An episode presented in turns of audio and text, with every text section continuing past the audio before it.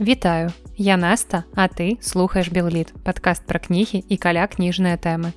У эфіры 94 выпуск подкаста Белліт сёння самы звычайны выпуск класічна з адказамі на пытанні і з гісторыямі пра розныя кнігі. Праўда, так склалася, што сёння кнігі сабраліся ў невялічкую падборачку, яны ўсе будуць звязаныя так ці інакш з пытаннем псіхалогіі. Але калі ад гэтага абстрагавацца, то гэта проста творы, якія я прачытала за апошні час. Сёння серада 9 жніўня і мае патроны атрымаюць выпуск ужо сёння, а ўсе астатнія будуць традыцыйна слухаць яго ў суботу. Наступны выпуск для маіх патронаў на патрыоне выйдзе ўжо праз тыдзень у наступную сераду і я ўжо буду знаходзіцца зноў на берагах Дунаю, буду вяшчаць вам адтуль. І таму зараз хочацца зрабіць некалькі анонсаў. Па-першае, анансую нарэшце чарговае пасяджэнне кніжнага клубу Анягош, Мае патроны пачуюць яго ўжо ў сераду, а для ўсіх астатніх гэты падкаст выйдзе ў суботу.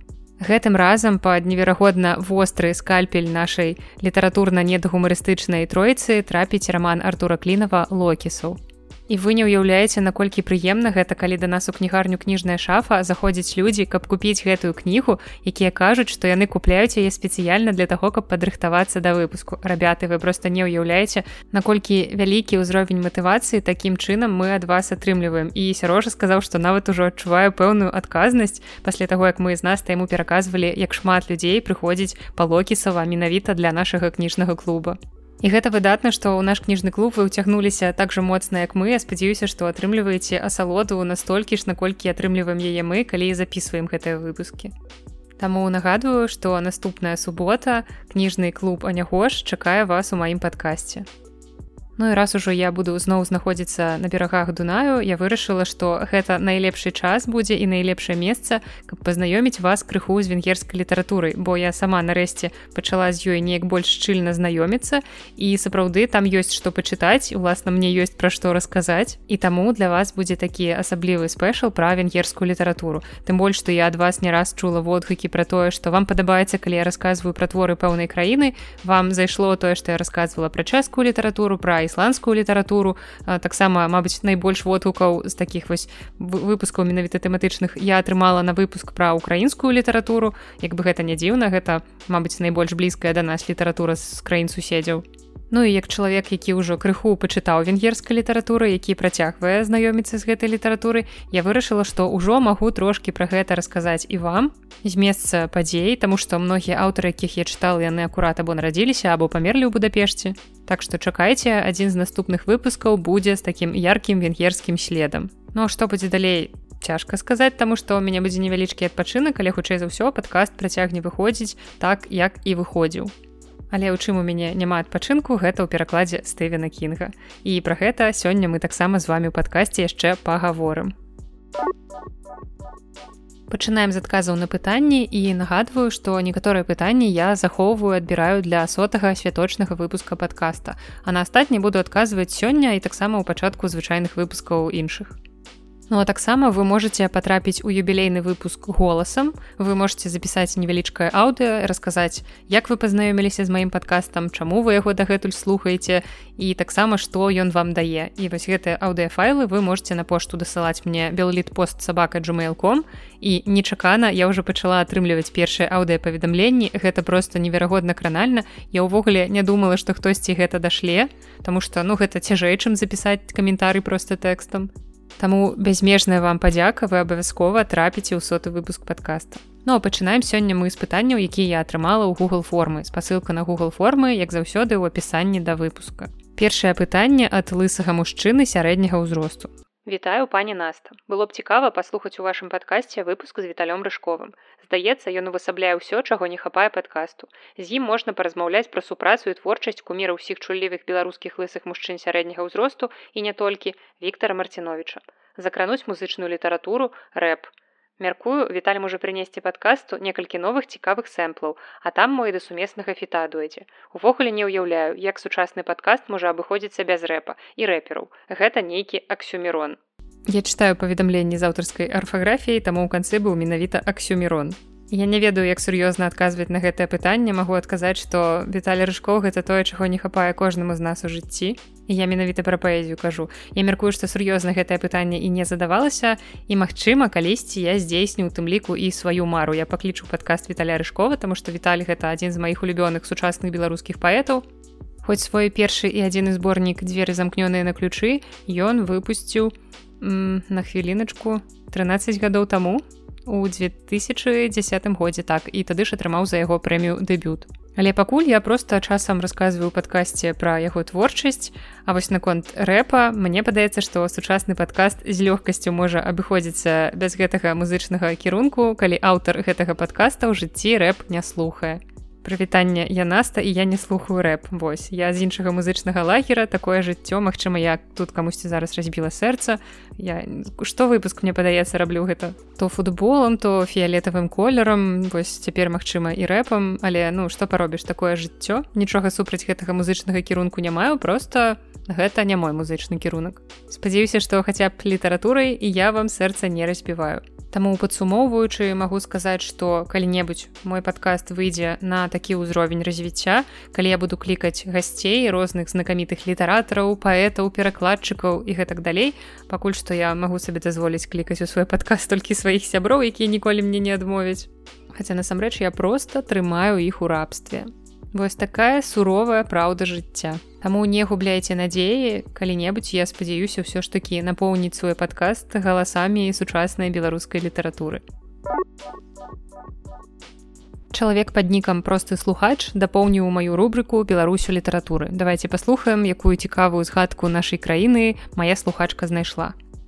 Я без пытання, але памятаю, што вы збіраеце кнігі, дзе ўзгадвалася Беларусь. Я зараз читаю книгу Чель Балюнт, неизвестная Астрид Лингрен, редактор, издатель, руководитель. Кніга мне падабаецца і не адначасова. Там ёсць факты, якія сапраўды ўражваюць, але такая сабе аўтарская мова і не вельмі добрая рэдактарская падрыхтоўка. Дык вось, там я зусім не чакала сустрэць слова Беларусі. У выдавецтве, дзе працавала Астрыд, выходзілі кнігі Ганны Рыўкін, якая была надзвычнай фотаграфіняй і рабіла дзіцячыя фотакнігі пра дзетак з невялікіх этнасаў. Дык вось пра яе ёсць такі сказ. Анна Рівкін родилась в Беларуси в 1908 году, получила образование танцовщицы, но с годами тело перестало слушаться ее так, как в молодости, и она переквалифицировалась в фотографа. Але калі пагугліць пра яе, то яна хутчэй нарадзілася на тэрыторыі заходняй часткі сучаснай рассіі. Вось так дзіўна, але ўсё ж узгадваецца Беларусія. Мне стала цікава, бо я ўпершыню чула імя гэтага фатографа, я вырашыла яе пагугліць і вось што мне падказала Вкіпедыя. Маўляў, ёсць неадназначнасць наконт месца нараджэння Анны Рыўкін Брык. Бо яна нарадзілася ў суражы, але які гэта сураж? віцебскага павета то бок наш ці украінскі ў чарніхаўскай губерні. І далейшыя звесткі наконт яе бацькоў не даюць адназначна думаць што сураж усё ж такі наш бо бацька шалом шендер вольфавіч рыўкін быў родам з гомеля. Ён вывучаў філасофію гейдельбергскім універсітэце публікаваў апавяданні і нарысы ў перыядычных выданнях на ідыш і на рускай мове. То бок гомель гэта ўсё ж такі бліжэй да ўкраіны як мне падаецца чым да віцебскага павета Ну а маці Ганны Фрейда Нафталіўна Перельман родам з кобрына.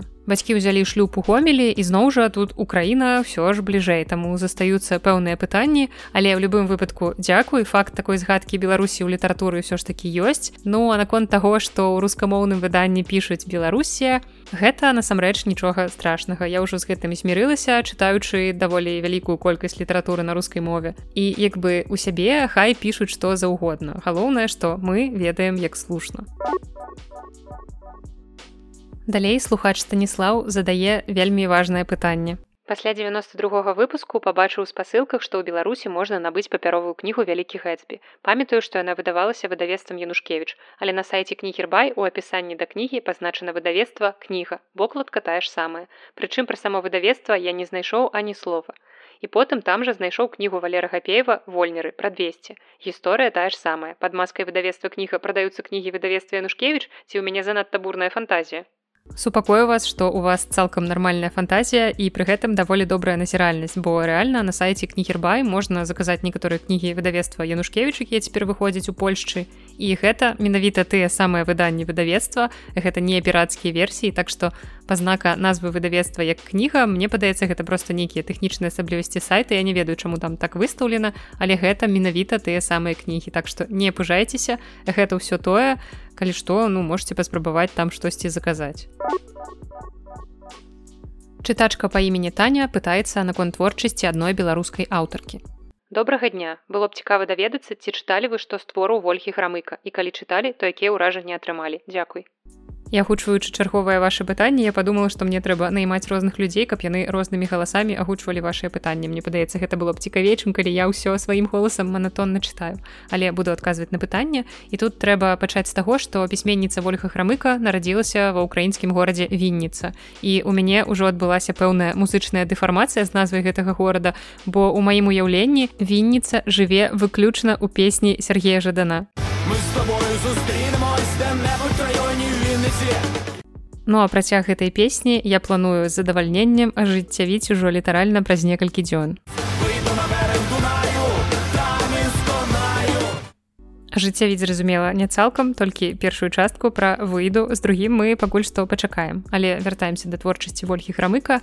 Яна потым пасля таго як нарадзілася ў вінніцы праз нейкі час пераехала ў Беларусь скончыла наш дзяржаўны універсітэт беларускі працавала і жыла ў беларусі Праўда, я не ведаю, дзе яна цяпер, бо я не сачу за яе жыццём за яе творчасцю, я не ведаю, ці жыве на Беларусі, ці недзе ў іншым месцы, але Вольга лічыцца рускамоўнай беларускай пісьменніцай. І калі я яшчэ была школьніцай, то я чытала даволі шмат розных твораў жанры фэнтэзі. Я цяпер усё ж такі ў гэтым жанры чалавек такі больш пераборлівы. А тады я чытала просто ўсё, што мне траплялася под руку ўсё, што я брала ў бібліятэцы і вось неяк на тры летнія месяцы мне ад знаёмай са школы ў руки трапіў такі вялізны томік ольгі храмы чалавека я памятаю гэта была такая яркая сіняя кніжка і ў гэтай кнізе былі сабраныя здаецца усе часткі цыкла прафесія ведьма і на той час мне гэта ў прынцыпе зайшло. Мне было цікава і даволі смешна але калі лета скончылася далей чытаць кнігі аўтаркі я не стала. Я не пабегла ў бібліятэку каб шукаць нейкія іншыя яе творы. Мяне гэта не настолькі зацягнула.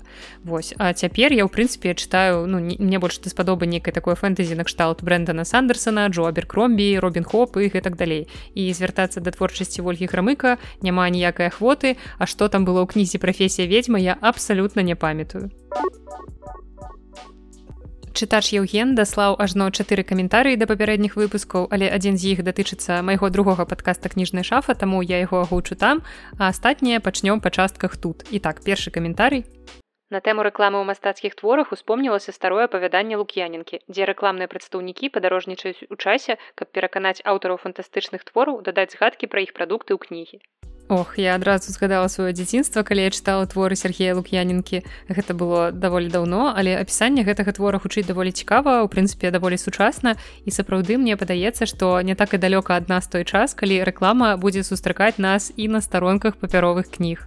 Другі каментарый ад Еўгена пра электроннае выданне беларускіх кніг што выходзіць за мяжой. Янушкевич на адным са стрымаў магістрату казаў што вельмі малы попыт і лічбы спампаванняў былі ў вялікага гэцбі альбо у і ўзыходзіць сонца таму есть сумневы ці варта гэта рабіць Ну так я ў пэўнай ступені ведаю унутраную кухню вытавестваў і як бы я пра гэта і казала вам што выдаўцам гэта просто эканамічна нявыгадна. І тут я не магу дакладна адказаць у чым менавіта прычына або увогуле ў нізкай культуры спажывання платнага электроннага контенту ў беларусі або ў тым што беларускія чытачы увогуле не так часта чытаюць кнігі ў альтэрнатыўных фарматах то бок у фармаце аўдыа або ў электронным фармаце.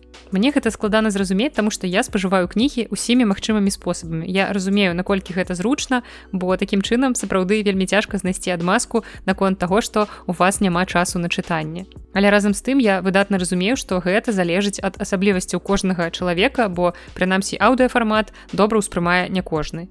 Але акурат гэты фармат мог бы стаць ідэальным выратаваннем для людзей, у якіх няма часу чытаць, бо у вас ёсць час кудысьці ісці па вуліцы, у вас ёсць час прыбіраць у вас ёсць час гатаваць ці мыць посуд і гэта вельмі зручна рэальна рабіць з аўдыакнігай у вушах. Ну і апошняе самае балючае пытанне як я ўжо казала да стывена кінга ў гэтым выпуску мы вернемся. Яўген запытвае як там прасоўваецца пераклад зяння і тут жа мне хочацца дадаць да гэтага пытання каментарый з Ютуба ад спадара а. Пра кінга даўно не чуваць З такой даволі істотнай падзеі, як яго першае з'яўленне па-беларуску варта было б зрабіць рэгулярную рубрыку, дзе распавядалася пра сам працэс з усімі падрабязнасцямі. Падаецца, астатнім слухачам павінна таксама зайсці. Прынамсі не чуў аб такіх фарматах, каб пераклад, тым больш аж такога маштабу, нараджаўся з пастаянным аўдыорасповедам яго стварэння.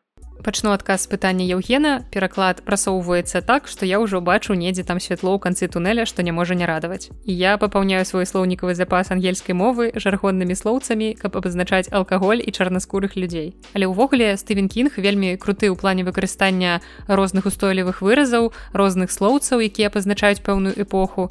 І спадар янушкевич амбітна марыць выдаць кнігу ў снежні таму я са свайго боку імкнуся рабіць усё магчымае каб не расчараваць ні Андрэя міколаевича не вас. А наконт пастаяннай аўдыафіксацыі працэсу перакладу хутчэй нечым так бо па-першае я не ведаю наколькі я ўвогуле магу гэта рабіць як бы трошки там штосьці я могу вам расказваць что я працую над перакладам ці там яшчэ нейкія штукі. Але по-другое гэта будзе вельмі такі мне падаецца нейкі няўцямны расповед з маімі абурэннямі з маімі захапленнямі. І Мачыма вось ужо пасля выхаду кнігі у мяне атрымаецца штосьці запісаць кшталту дзённіка перакладчыка. І там я ўжо змагу расказаць пра нейкія асаблівасці перакладу пра тое з якімі цяжкасцямі я сутыкалася ну і гэтак далей карацей я лічу што пра справу трэба расказваць калі яна ўжо зробленая а не на паўдарозе.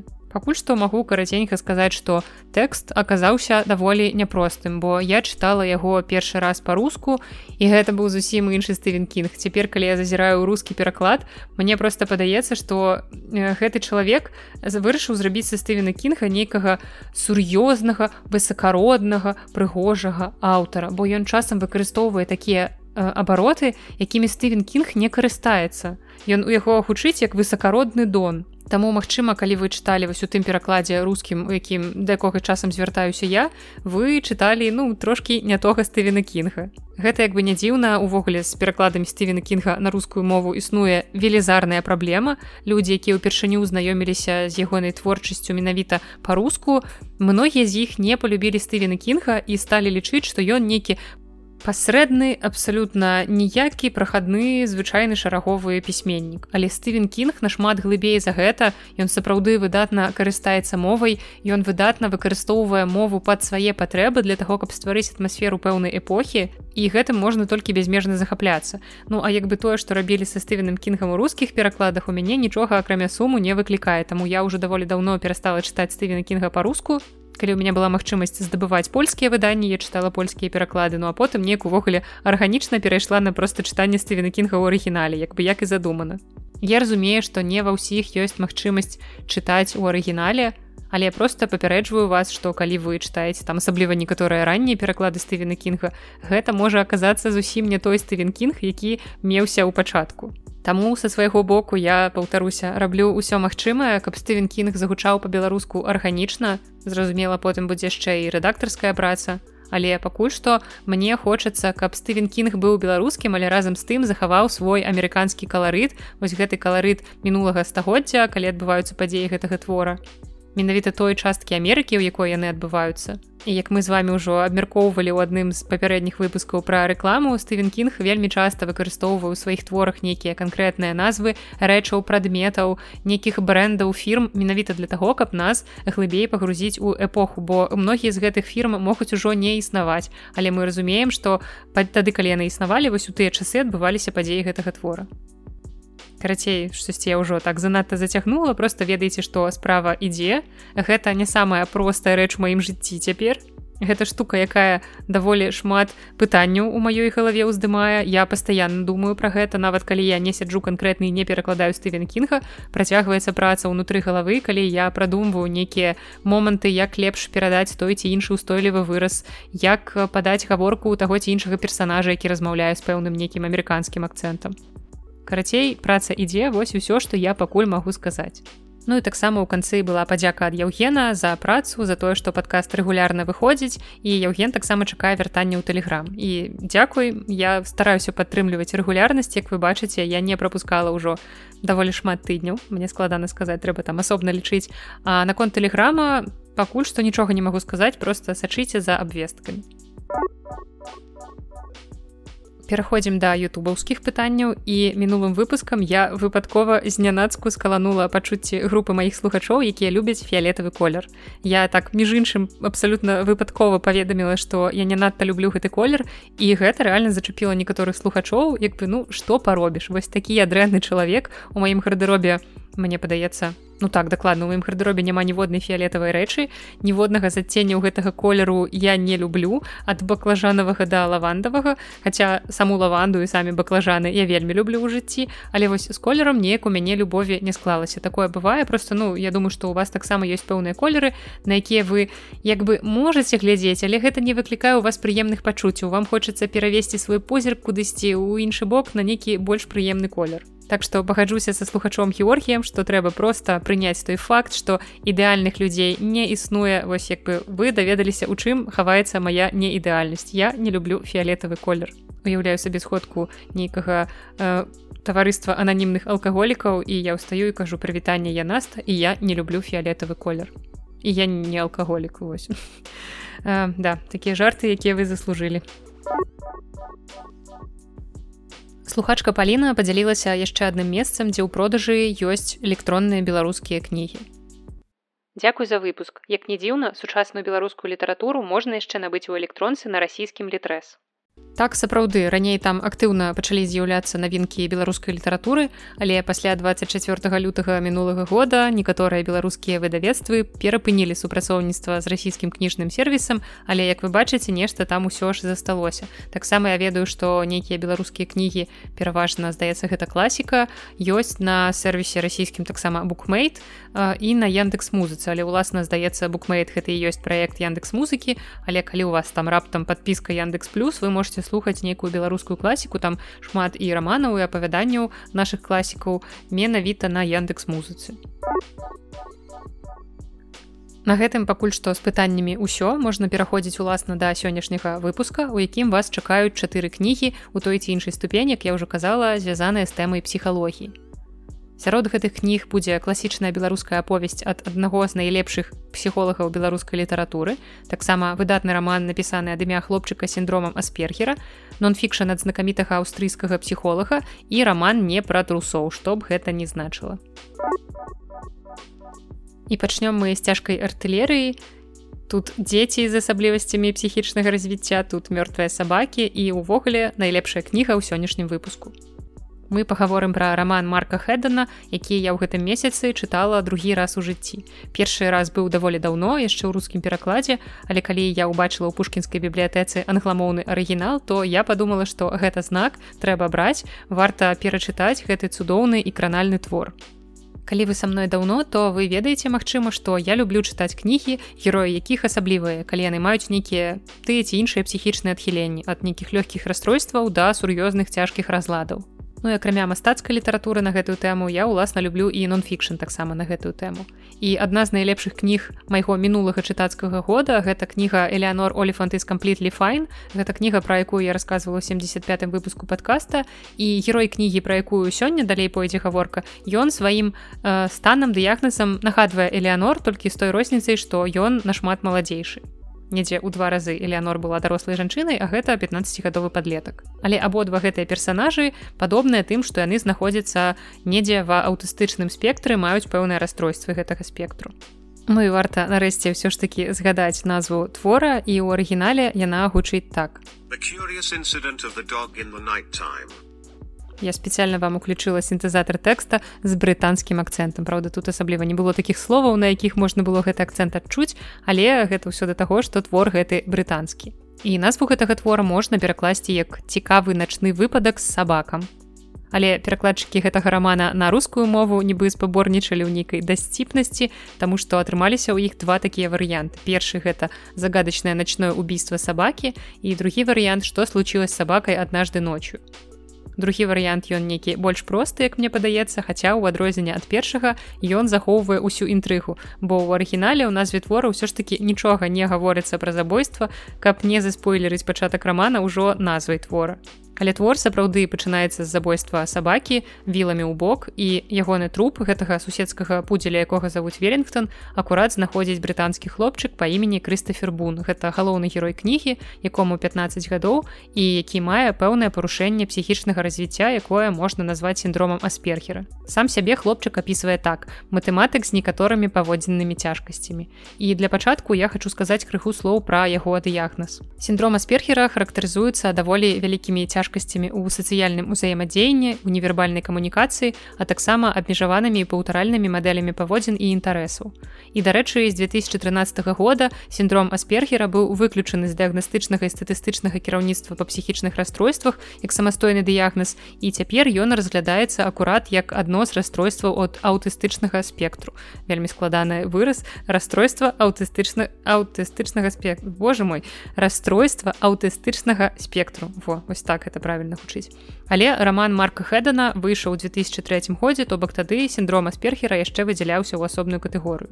І людзі з гэтым синдромам маюць праблемы з эмпатыяй яны увогуле вельмі дрэнна распазнаюць чужыя эмоцыі яны не разумеюць што такое метафары што такое гульня слоў яны ўсё гэта ўспрымаюць вельмі літаральна. Таксама такія людзі схільныя да розных шаблонаў паводзін у іх выпрацоўваюцца пэўныя рытуалы на ўсе выпадкі жыцця і калі гэтыя рытуалы парушаюцца гэта выклікае ў іх вялізныя праблемы. Такія людзі асабліва калі гэта дзеці яны могуць пачаць крычаць яны могуць вельмі неадэкватна з пункту гледжання іншых людзей сябе паводзіць. І вось усе гэтыя таксама многія іншыя асаблівасці мы ўбачым у творы ў паводзі знойдзеных крыстафера Ну і таксама ў выпадку крыстафера мы можемм гаварыць пра высокафункцыянальны аўтызм і синдром саванта. І так сапраўды чытаючы падобныя кнігі я паралельна чытаю яшчэ 100 тысяч мільёнаў крыніц інфармацыі бо я цікаўлюся гэтай тэмай і я хачу чытаючы кнігу да самых проста максімальна драбнюткіх дробязяў разумець асаблівасці паводзін гэтага персонажа тому что гэтая тэма мне вельмі цікавая І вось гэты высокафункцыянальны аўтызм божачкі за што мне гэта ў сённяшні выпуску вельмі шмат складаных слоў. Карацей высокафункцыянальны аўтызм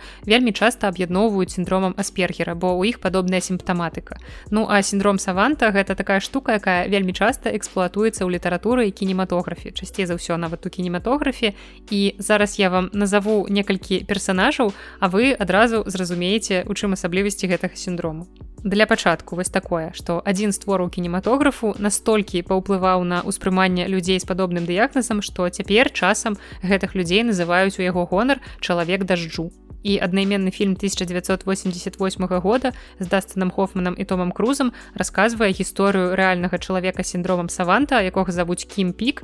І таксама калі вы уяўляеце галоўнага героя серыяла хорошы доктор перад вами яшчэ адзін прыклад героя з гэтым сіндромам. І такім чынам синдром саванта гэта синдром пры якім асобы з адхіленнем развіцці маюць пэўны востраў геніяльнасці. Яны маюць выдатныя здольнасці ў адной або некалькіх абласцях ведаў якія кантрастуюць з агульнай абмежаванасцю асобы. То бок чалавек не мае сацыяльных навыкаў не ведаю там не можа завязаць сабе шнуркі не можа есці ежу розных колераў калі яна змешваецца на талерцы але пры гэтым рашае найскладанейшыя матэматычныя задачы І дарэчы, у кіно людзі з сіндромам саванта ці агулам з расстройствамі аўтыстычнага спектру паказваюцца даволі аднабока, бо часцей за ўсё гэта проста геніі, якія проста не ўмеюць камунікаваць з людзьмі і ўсё. Але рысы геніяльнасці ў нейкай вобласці праяўляюцца толькі ў даволі малога працэнта людзей з расстройствамі аўтыстычнага спектру. Звычайна гэта не настолькі рамантычны дыягназ. І сам аўтар кнігі не ўрач. Ён скончыў оксфордскі універсітэт, потым ён атрымаў ступень магістра англійскай літаратуры, А вось далей ён займаўся ўжо рознымі відамі дзейнасці у тым ліку ён працаваў з дзецьмі і дарослымі з псіхічнымі і фізічнымі адхіленнямі. Таму калі ён пісаў гэты твор, ён ведаў, пра што ён расказвае. І хоць ні аўтызм, ні сіндром аспергера ў кнізе не згадваюцца канкрэтна як дыягназы героя, як часта гэта бывае ў падобных кнігах вось Леонор Оліфан таксама была для нас проста гераіняй з асаблівасцямі, але без дыягназу.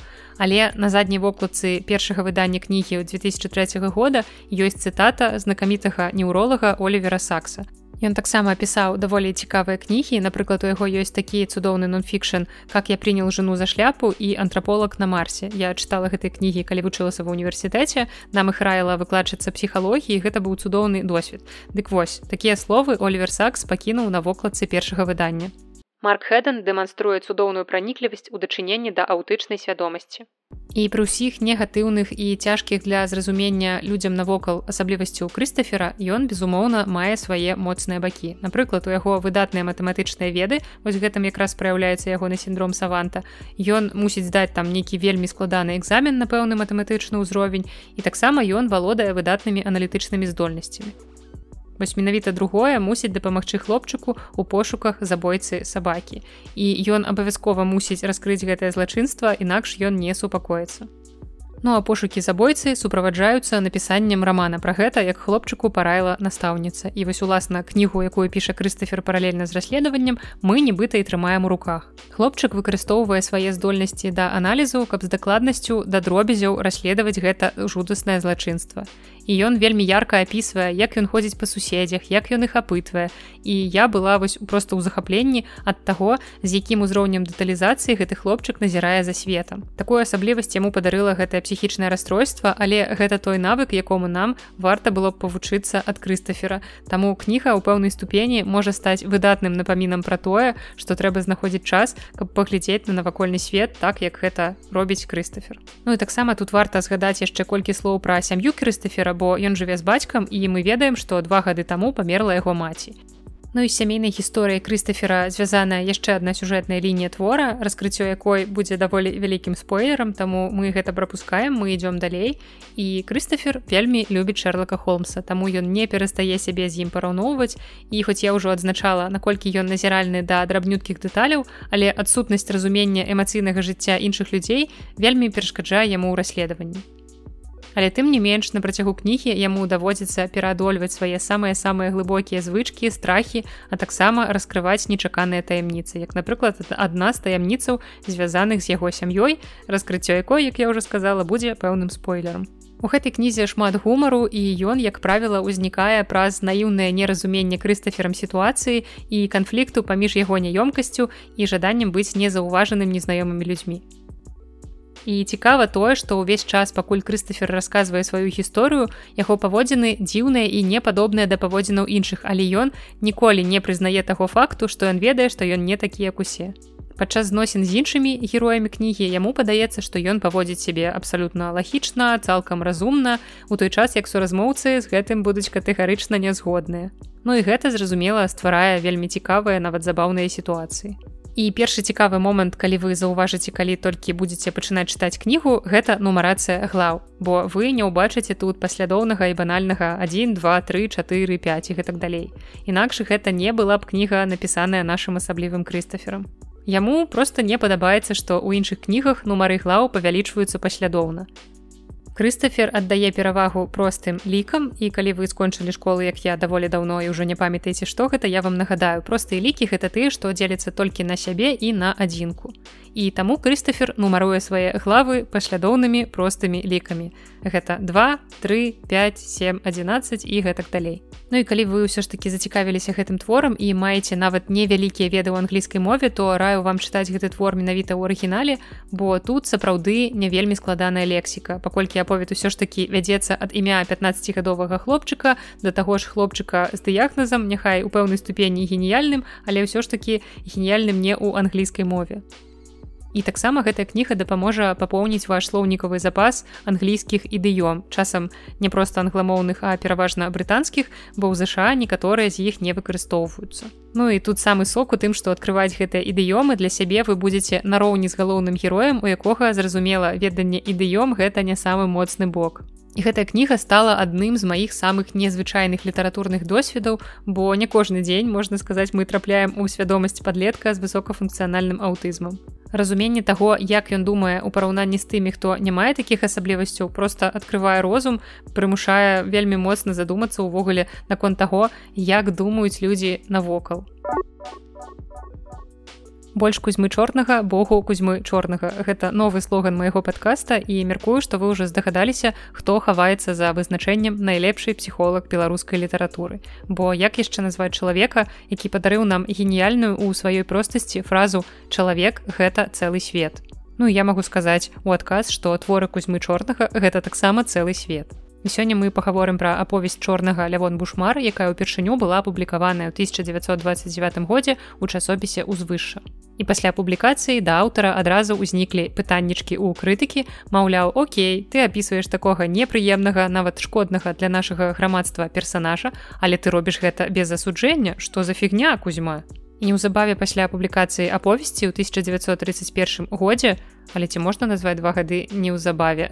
Бо повесць выйшла ў 29 рэакцыя у 31 ну окей ладно неўзабаве пасля публікацыі аповесці у часопісе маладняк з'явіўся артыкул крытыка алеся кучара які называўся пра адну рэакцыйную аповесць і ў гэтым артыкуле аўтар не адмаўляў што аповесць таленавітая але тым не менш ён назваў яе рэакцыйнай то бок тое што актыўна супраціўляецца грамадскаму прагрэсу. Маўляў чорны ў сваім творы вельмі слаба паказаў класавую барацьбу а паводзіны героя герояў ён тлумачыў з пункту погляду буржуазнага сэнсуалізму, а не рацыяналізму.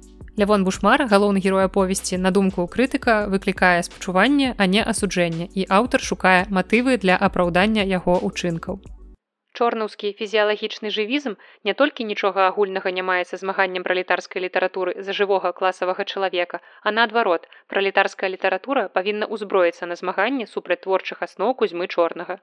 Ну так што гэты чорны ўвогуле сабе дазваляе накол яго трэба пасадзіць ці на вілы як сабаку з першай кніжкі і ў канцы кучар сцвярджае што супраць такога ў літаратуры мы мусім змагацца толькі вось уся бяда ў тым што прайшло амаль стагоддзе з моманту напісання твора кузьма чорны стаў класікам беларускай літаратуры а яго творы ўсё яшчэ чытаюцца вывучаюцца і даследуюцца. Шах і мат кучар як той казаў і ўсё ж такі пераходзячы да твора як мы можам добра ставіцца да героя калі аўтар дае нам такое яго апісанне ўжо ў першым жа сказе гэтага твора. Звераватую панурасць лявону бушмару перадаў бацька Ну тут як бы ўсё у нас няма шансаў мы бачым у гэтым героі толькі звераватага панурага і гэта вызначае стаўленне чытача да персонажа на працягу ўсяго твора. І такое звярынае параўнанне будзе ўсё роўна спадарожнічаць герою на працягу ўсёй кнігі і мы будзем чуць яго як ад аўтара так і з вуснаў іншых герояў аповесці калі пра яго будуць казаць што ён не калектыўны чалавек што ён звераваты што ён дзікі і нялюдскі Хоць сапраўды сам чорны не спяшаецца з аўтарскімі вывадамі і аўтарскай ацэнкай свайго героя. І ў гэтай аповесці пісьменнік увогуле разглядае псіхалагічны бок сацыяльнай праблемы ўласніцтва калі вы слухали выпуск про роман чорнага пошукі будучыні то я там неаднаразова сцвярджала талент чорнага у паказе унутранага свету персонажаў бо чорнага заўсёды цікавіў чалавек ва ўсёй шматграннасці яго асобы. І ў сваіх творах ён імкнуўся даволі глыбока паказваць унутраны свет герою прычым ён не проста яго апісваў ён не проста расказваў нам пра што героі думаюць. Ён таксама праводзіў прычынна-следчыя сувязі паміж думкамі і дзеяннямі персонажу і ў гэтай аповесці характар унутраны свет лявона бушмара раскрыты таксама вельмі грунтоўна. Я не буду падрабязна ўжо спыняцца на сюжэце як у пошуках будучыні просто акрэслю агульнымі рысамі.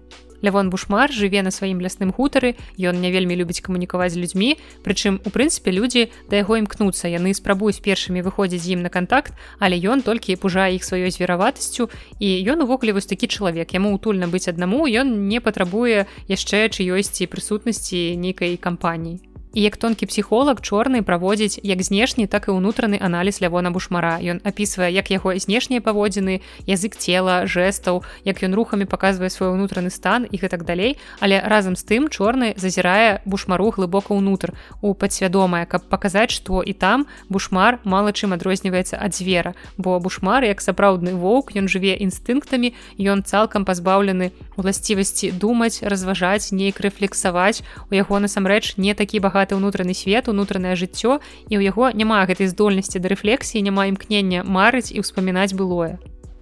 Ну такім чынам ён сапраўды нічым не адрозніваецца ад звера які жыве вось толькі цяперашнім момантам сваімі пэўнымі цяперашнімі інстынктамі Але такія паводзіны бушмара ўсё ж такі не перашкаджаюць яму заводзіць стасункі з жанчынамі і вось ведаеце, што стэеатыпна ў кіноці кнігах дзяўчаты западаюць на такіх загадкавых замкнёных маўклівых звераватых мужчын.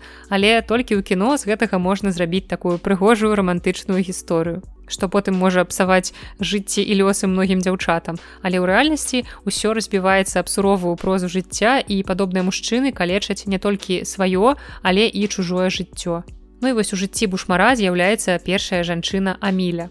І здавалася, што пачуцці могуць зварухнуць штосьці ў душы героя, што можа вось гэтая жанчына растопіць лёт у ягоным сэрцы, але не. Тады б гэты твор быў шараговым любоўным раманчыкам пра перавыхаванне персанажа, а кузьма чорны не стаў бы адным з найлепшых псіхолагаў нашай літаратуры. Таму нават у любоўных адносінах бушмар тут не губляе сваёй звераватасці.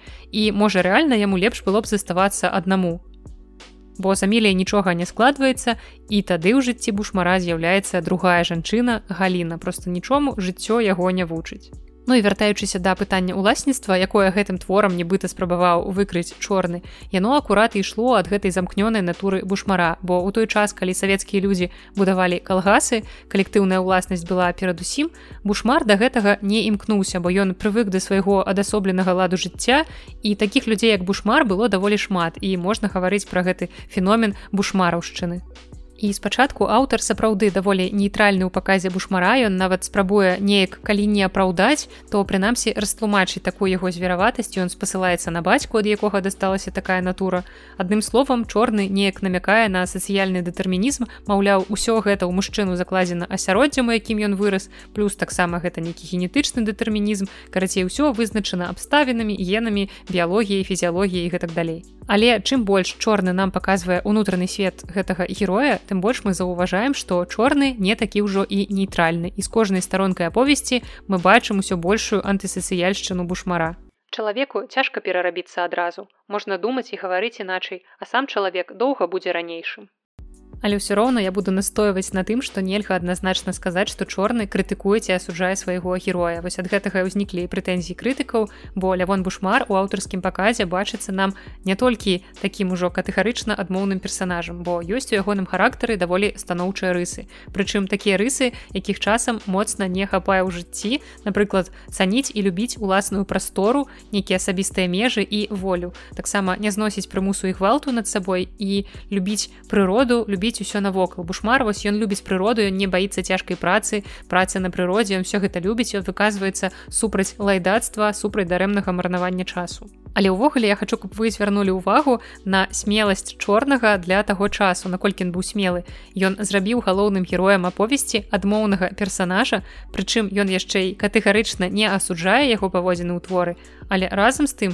мы разумеем што толькі праз такога персонажа чорны мог выказаць у творы уласную пазіцыю наконт калектывізацыі. Маўляў якія да мяне прэтэнзіі гэта не мае словы гэта слова майго героя А вы бачыце што ў прынцыпе персанаж ён адмоўны там ён можа выказвацца як заўгодна.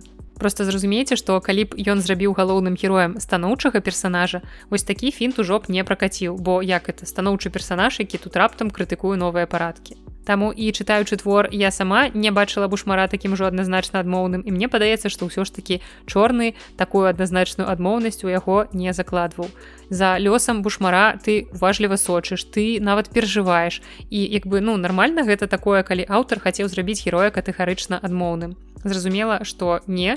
І у гэтым талент чорнага у завуаляваным паказе ўласнай пазіцыі праз такога нібыта адмоўнага персонажа Таму калі вы яшчэ не чыталі гэты твор чорнага то раю звярнуць на яго ўвагу бо ён сапраўды не надта на слыху гэта не такая папсовая беларуская класіка якую ведаюць усе. Але гэта той твор які сапраўды значны для гісторыі беларускай літаратуры і варты вашай увагі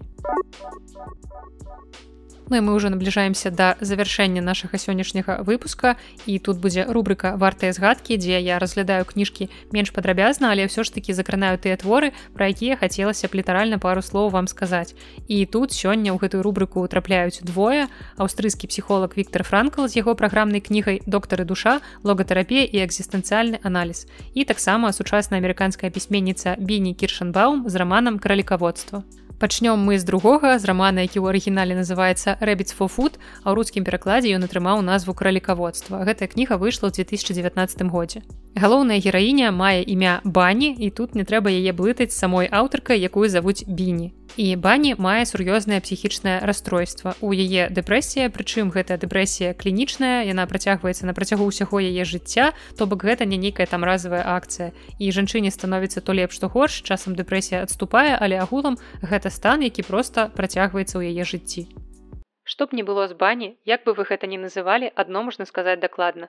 Быць хворым на галаву гэта зусім не тое ж самае, што быць звычайным хворым калі ты нармальны хворы людзі хаця б робіць выгляд што ім неабыякова бані жыве ў нью-йорку і пад новы год у 2008 годзе яна пачынае губляць сувязь з рэальнасцю. У яе абвастраецца прыступ хваробы яна даходзіць да псіхозу і раней у сваёй дэпрэсіі яна ніколі не даходзіла да настолькі дрэннага стану таму бані трапляю псіхіятрычную бальніцу каб не нашкодзіць самой сабе. І чаму твор мае такую дзіўную назву прычым тут увогуле трусы? Бо рэч у тым што бацькі галоўнай гераіне разводзілі трусоў для ежы. Ну і тым больш іранічным выглядае імя гераіні бані што таксама перакладаецца як трусік ёсць одна праблема у тым калі ты пішаш роман пра героя з нейкім псіхічным дыягназам бо тут вельмі проста перайсці мяжу нават некалькі.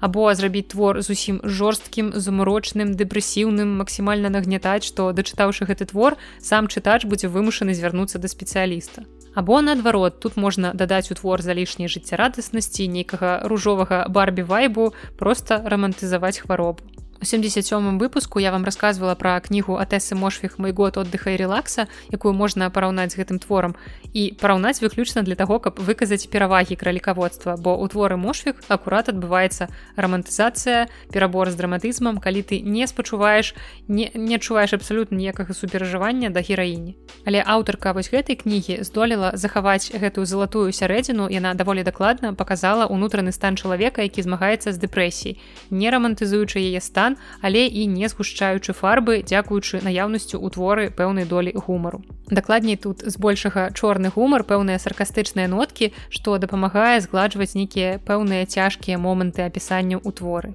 Аўтарка па-майстэрску паказвае манатоннасць і аднастайнасць працякання дэпрэсіі і змагання з ёй. Мы бачым марныя спробы пераадолець хваробу ў гэтым жахлівым месцы, якое называецца бальніца, там агідная ежа, там даюць лекі з пакутлівымі пабочкамі, ўсё навокал аднастайнай бэжавай колеравай гамме. І вось у чымсьці нават гэтае месца у творы мне падавалася турмой тому что людзі спадзяюцца што з гэтага месца ты выйдзеш лепшым чым ты быў. Але ну не заўсёды гэта так. І гэтая кніга сапраўды не з тых што параеш кожнаму нават нягледзячы на тое што яна збольшага часам даволі смешная на зусім не змрочная не страшная але ўсё роўна гэта той выпадак калі асцярожна буду раіць кнігу толькі тым хто ўжо захадзя зацікаўлены ў падобнай тэме Ну і пераходзім да апошняй кнігі ў сённяшнім выпуску. Паўнавартаснай нон-фікшн кнігі па псіхалогіі нарэшце ўвесь выпуск я вам рассказывала пра нешта каля псіхалагічная цяпер нарэшце сур'ёзны твор. І гэта кніга ад аднаго з вельмі уплывовых псіхолагаў сваёй эпохі Віктора франкла Пра кнігу доктар і душа логатэрапія і экзістэнцыяльны аналіз раскажу даволі сцісла, бо ў параўнанні з яго бадай самай вядомай кнігай сказаць жизни да псіхолог в канцлагере, пра якую я рассказывала вам у 78 выпуску. Гэтая кніга аказалася нашмат больш навуковай, адпаведна больш цяжкай для ўспрымання не спецыялістам мной. Але для псіхолагаў гэта такі праграмны твор такога псіхалагічнага вучэння як логатэрапія, якое акурат і распрацаваў франкл. Трошки мы з вами гаварылі пра логатэрапію у тым выпуску у 78 дзе я рассказывала пра кнігу сказаць жизни да але я вам нагадаю что логатэрапія гэта адзін з відаў экзістэнцыяльнай псіхатэрапіі заснаваны на пошуку сэнсу існавання Я не ведаю наколькі эфектыўна ўвогуле логатэрапеўтычная практыка ў наш час але схема якую франкл падае ў гэтай кнізе як мне здаецца мае такую вартасць што дазваляе улавіць каштоўнасць усёй паўнаты чалавечага існавання. Гэтую кнігу у прынцыпе можна выкарыстоўваць як такі self-help прычым не нейкі там папсовы self-help про тое что ты малайчына у тебе ўсё атрымаецца увесь свет перад табою іх і так далей дзе даюцца просто нейкія размытыя фразы без аніякай канкрэтыкі і дакладна без нейкіх там асаблівасцяў кожнага чалавека Логатэрапія франкла не імкнецца звесці любы аспект асобы да яе элементарных складнікаў. Яна не замыкае чалавека ў клетцы фізічнай, біялагічнай, сацыяльнай і гэтак далей абумоўленасці. Бо сэнс жыцця трэба шукаць у сабе, а не ў знешніх фактарах, тым больш у чымсьці матэрыяльным. Франкл як прадстаўнік экзістэнцыйнай псіхалогіі пераплятае філасофію з тэрапіяй і разважае пра сэнс жыцця, смерці, працы, пакут і кахання. І ён таксама разглядае псіхалогію такіх спецыфічных станаў, як трывога, неўроз дакучлівых станаў і шизафрэнія. І як у першай кнізе франкл абмяркоўвае псіхалогію сваіх таварышаў па канцлагеры.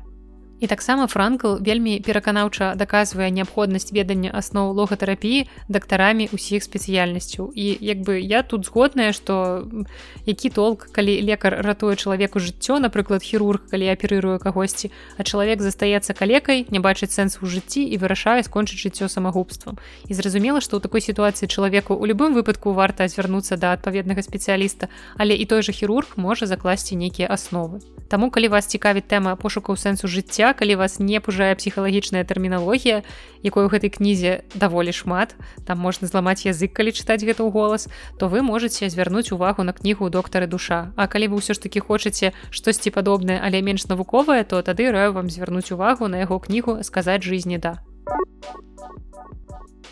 і не абыходзіцца сённяшні выпуск без маёй рубрыкі экспрэс-рэкамендацыі у якой я раю розны цікавы някніжны контент. Гэта падкасты фільмы ці серыялы і сёння тут будзе адзін фільм і два падкасты і пачнём мы з польскага падкаста які можна выкарыстоўваць як трэніроўку у слуханні польскай мовы а таксама як крыніцу вельмі карыснай інфармацыі. Гэты падкаст называется 7 метров под земю і яго вядучы рафал запрашае да сябе цікавых людзей якім задае нязручныя пытанні.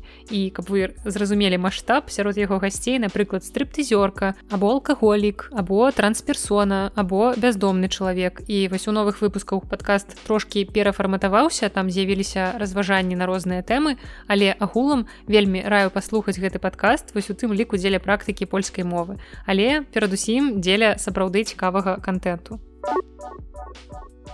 другая парада подкаста гэта украінская парада. Раю вам падкаст медыцынскай тэматыкі у якім тэмы разглядаюцца простымі словамі. Падкаст называется тэмпература нормальна вядучая тут запрашае лекараў розных спецыялістаў каб паразмаўляць на розныя цікавыя медыцынскія тэмы. Ад таго як правільна перажываць і лячыць прастуду да таго як грыбы выкарыстоўваюцца ў медыцыне Ну і фільм, які я вам параю сёння, мае непасрэднае дачыненне да кніг. Па-першае, гэта экранізацыя кнігі, кнігі Пенелопы Фіджэральд, якая ёсць у рускім перакладзе пад назвай кніжная лавка. Хаця ўласна кнігу я не чытала. Па-другое, як вы здагадаліся з назвы, гэта фільм пра кнігі. Экранізацыя атрымала назву букшоп. Фільм выйшаў у 2017 годзе рэжысёрка Ізабель Кайшет. Гісторыя разварочваецца ў 1959 годзе у невялікім мястэчку на ўзбярэжжы Вкабрытаніі. Там з'яўляецца 35гадовая удава Флоренс, якая мае намер адкрыць у старым доме кнігарню, што адразу выклікае скепсіс у мясцовых жыхароў а некаторыя нават выказваюцца катэгарычна супраць такой ініцыятывы Флоренс, напрыклад, жонка мясцовага генерала вельмі уплывовая дама. Але гэта не спыняе Флоренс, яна спраўджвае сваю мару і гэты фільм я ацаніла на 7 балаў, мне спадабаліся прыгожыя краявіды гэтага мястэчка на ўзбярэжжы такога халоднага, ветранага, ты глядзіш фільм і адчуваеш усё гэта. І гэта месца, у якім я б не хацела жыць, але кнігарню Флоренс я б задавальненнем наведала. Гэта гісторыя пра любоў да кніг, пра уменне ісці наперад, не думаючы пра тое, што скажуць іншыя. Ну і як бы тут даволі шмат цікавых разважанняў пра канкрэтныя кнігі. Таму калі вы любіце кніжны контент у кіно, то раю вам звярнуць на гэты фільм увагу сённяшні выпуск і так атрымаўся даволі працяглы паводле часу таму сёння без цікавых гісторый. Спадзяюся што вам хапіла цікавых гісторый пра кнігі пра якія я сёння рассказывала на гэтым мы з вами падыходзім да завяршэння. Я нагадваю што усе спасылкі на кнігі пра якія я гаварыла пра падкасты фільмы ўсё гэта вы знойдзеце у апісанні да выпуску. Таксама там жа вы знойдзеце спасылку на google формы маю электронную пошту куды вы мне можете пісаць ваши пытанні прапановы за увагі добрыя словы словы дрэнныя словы карацей ўсё што вам прыйдзе да галавы Ну і таксама на электронную пошту вы можете мне дасылаць свае аўдыапаведамленні калі вы хочаце задаць сваё пытанне голасам каб трапіць у юбілейны соты выпуск подкаста то калі ласка я буду бязмежна шчаслівая атрымаць усе ваши паведамленні Ну і таксама ў апісанні да выпуска ёсць спасылка на мой патрыон на якім вы можете мяне падтрымаць фінансава я вельмі удзячная ўсім людзям якія гэта робяць і ў выглядзе такой невялічкай падзякі гэтым людзям я даю ім магчымасць слухаць мой падкаст на некалькі дзён раней чым ён выходзіць звычайна. Таму калі хочаце слухаць падкаст трошку раней літаральна там на некалькі дзён то таксама раю вам подписывацца на мой патрыон Ну і чакайце ўжо ў наступным выпуску сустрэчу кніжнага клуба анягош дзе мы будзем гаварыць пра роман локісу. Таксама ў адным з наступных выпускаў мы паговорым пра венгерскую літаратуру. Ну і далей працягну вам расказваць пра тыя кнігі я чытаю цяпер. Мачыма штосьці цікава яшчэ складзецца ў нейкую подборку напрыклад у мяне ўжо назбіралася пэўная колькасць прачытаных зборнікаў паэзіі сучасных беларускіх аўтараў. І думаю што магчыма цэлы выпуск варта будзе прысвяціць менавіта паэзій бо я даволі рэдка пра яе гавару ў падкасці хаця я і чытаю апошнім часам яе не так часта але ў прынцыпе паэзію я люблю. І у нас заўсёды ёсць што пачытаць паэзіі штогод выходзяць цудоўныя паэтычныя зборнікі таму таксама чакайце паэзію ў адным з наступных выпускаў. Ну а на сёння гэта ўсё. Я пайшла піць гарбату ратаваць сваё горла і манціраваць гэты выпуск каб ужо сёння мае патроны змаглі яго пачуць. З вами была наста і падкаст белліт да сустрэчы